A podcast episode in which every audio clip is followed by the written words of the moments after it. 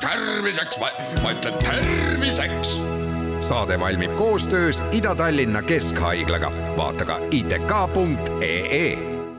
tere, head Kuku kuulajad, eetris on saade Terviseks ja kui eelmises saates rääkisime Ida-Tallinna Keskhaigla rõõmudest ja väljakutsetest aastal kaks tuhat kakskümmend kaks, siis tänasel teemal jätkame. mina olen Ingela Virkus ja koos minuga on stuudios Ida-Tallinna Keskhaigla kommunikatsiooni ja turundusjuht Inge Suder, tere taas! tere taas! Ida-Tallinna Keskhaiglas on äh, nelisada arsti, pea tuhat õde, üle viiesaja hooldus- ja abipersonali inimese ja, ja seitse kliinikut kokku, et mida tähendab selline igapäevane töö nii suures haiglas? no nagu te rääkisite, tõite väga ilusti need numbrid äh, välja, et äh, see tähendabki kakskümmend neli seitse tööd, et haiglas on ju,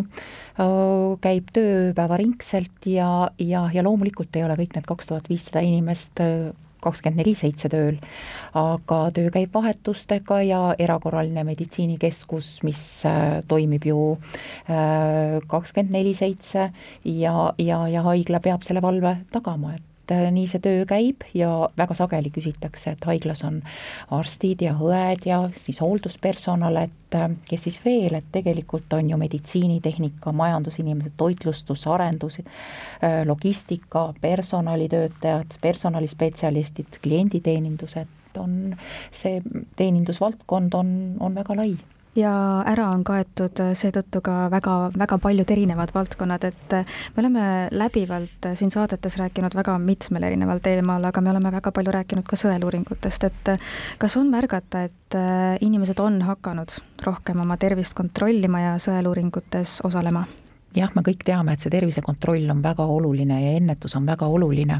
aga kahjuks peab ikkagi tõdema aastal kaks tuhat kakskümmend kaks, et Äh, see teema ei ole veel jõudnud kõigile äh, kohale või kõik ei pea seda nii oluliseks, et äh, võrreldes siin teiste Euroopa riikidega on ikkagi sõeluuringutel osalemine Eesti elanikkonna sees kahetsusväärselt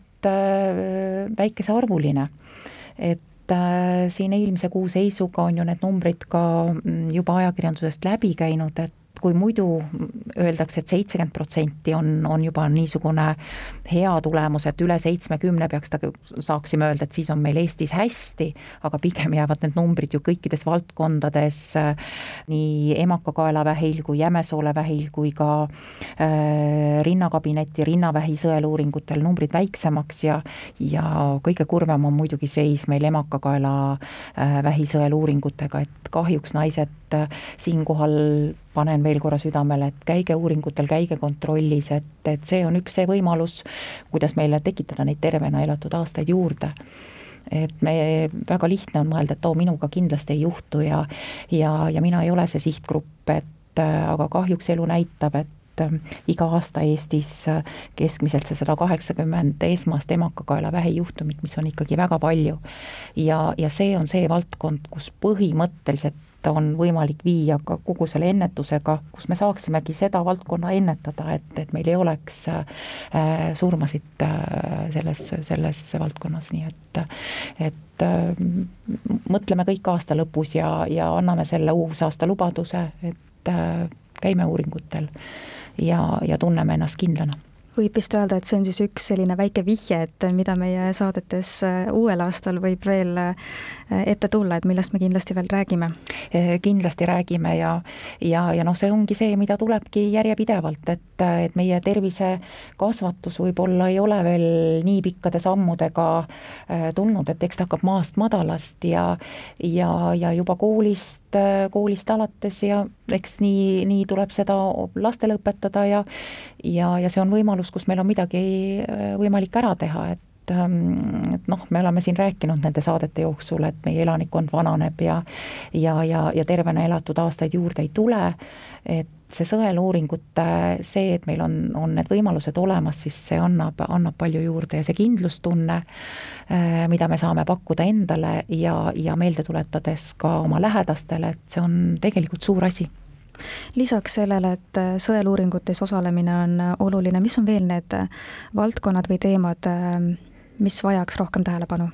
jah, eks kindlasti see, see tervise hoidmine ja viimastel aastatel ju väga palju räägitakse vaimsest tervisest ja ja pean tõdema, et aga tulevased aastad kindlasti on see, kus see vaimne tervis on, on, on väga olulisel kohal ja, ja üha rohkem sellest räägitakse. no täpselt nii, et need viimased aastad kaks äh, keerulist Covidi aastat, äh, nüüd veel Ukraina sõjaga, kõik need äh, mured ja väljakutsed, mis, mis on tulnud, et, et see mõjutab ka inimeste vaimset tervist ja, ja see on kindlasti see valdkond, millega tervishoius tuleb väga aktiivselt tegeleda ja mitte ainult tervishoius, et see on meil igal pool igapäevases elus, et kus sellele tuleb tähelepanu pöörata ja seda märgata no heale ravile aitab äh, kaasa loomulikult pidevas arengus olev meditsiinipersonal, aga väga palju mängib siin ju ka rolli tehnika, et eelmises saates me põgusalt juba rääkisime äh, uutest lahendustest ja võimalustest, aga milliseid äh, tehnilisi vahendeid täna ITK-s kasutatakse, et mis on just tulnud sellel aastal ja ja näiteks võib-olla aitakski kaasa ka praegu mainitud terviseprobleemide lahendamisele, et näiteks vaimse tervise korral, kas seal on üldse mingit sellist tehnilist lähenemist võimalik sisse tuua? Noh, eks neid tehnilisi vald-, lahendusi ka selles valdkonnas on, aga aga vaimne tervis on muidugi selles mõttes väga palju on sellest märkamisest ja ja õigel ajal abi otsimisest ja, ja samas on abi ka suunamisest, et äh, siin tehniliselt väga palju uut ei ole. aga nagu me siin varasemalt oleme ka maininud, siis tõesti oleme väga äh, noh, uhke ei ole võib-olla medi-, tervishoiu valdkonnas õige sõna, aga hea meel on tõdeda, et selline seade nagu positroni emissioon tomograaf, mille juures on ka kompuutertomograafi võimekus, et kindlasti selline seade, mis on üks suuremaid meditsiinitehnika investeeringuid ka ITK-s viimastel aastatel, mis on abiks eelkõige siis onkoloogilistele patsientidele ja, ja diagnostikaravis ja see pildi kvaliteet, mis sellega paraneb, et et, et see on suur asi. ja noh, mis ma tooksin veel ära, et me rääkisime siin nendest käerobotitest ja nutikorsettidest, aga kindlasti on üks selline valdkond, kus me siin ennetusest oleme rääkinud, et laste silmade tervis ja, ja müoopia meil on selline vahva buss, müoopia buss, mida me nimetame, kus meil on äh, väga toredad spetsialistid, kes käivad siis koolides ja on selline ennetusprojekt kus siis äh, äh, laste silmade tervist kontrollitakse ja eelkõige on siis äh, esimese, viienda ja üheksanda klassi õpilastel. Ja see on siis noh, praegu hetkel on teatud valikus need koolid, et kus me käime ja kontrollime, aga see annab tulevikus võimaluse ka jälgida, et kuidas on see laste silmade tervis ja ja lühinägelikkus siis tegelikult, kuidas ta areneb, et me teame ju, et, et eelkõige ongi ta algkoolis ja põhikoolis, kus ta areneb, aga millised on need võimalused, kuidas seda vähendada, et see on kindlasti selline missiooniga ja, ja väga vahva projekt et äh, kaks tuhat kakskümmend kaks saab kohe läbi, siis äh, milliste mõtete ja plaanidega te uude aastasse lähete, et millised on Ida-Tallinna Keskhaigla uue aasta väljakutsed? no siinkohal tooksin ära, et meil on äh,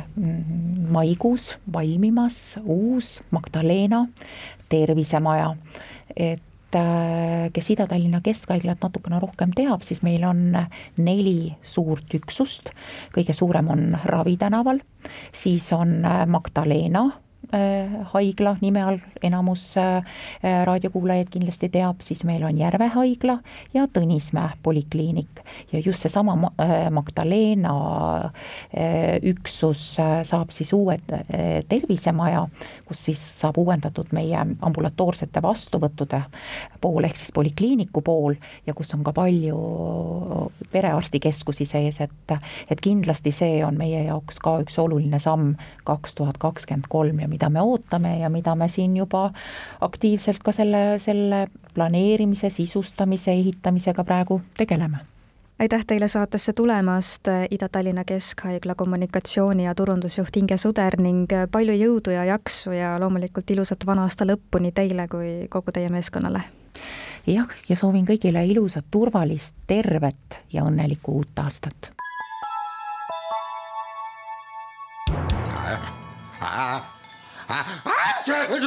Terviseks, ma ütlen terviseks. saade valmib koostöös Ida-Tallinna Keskhaiglaga, vaata ka itk.ee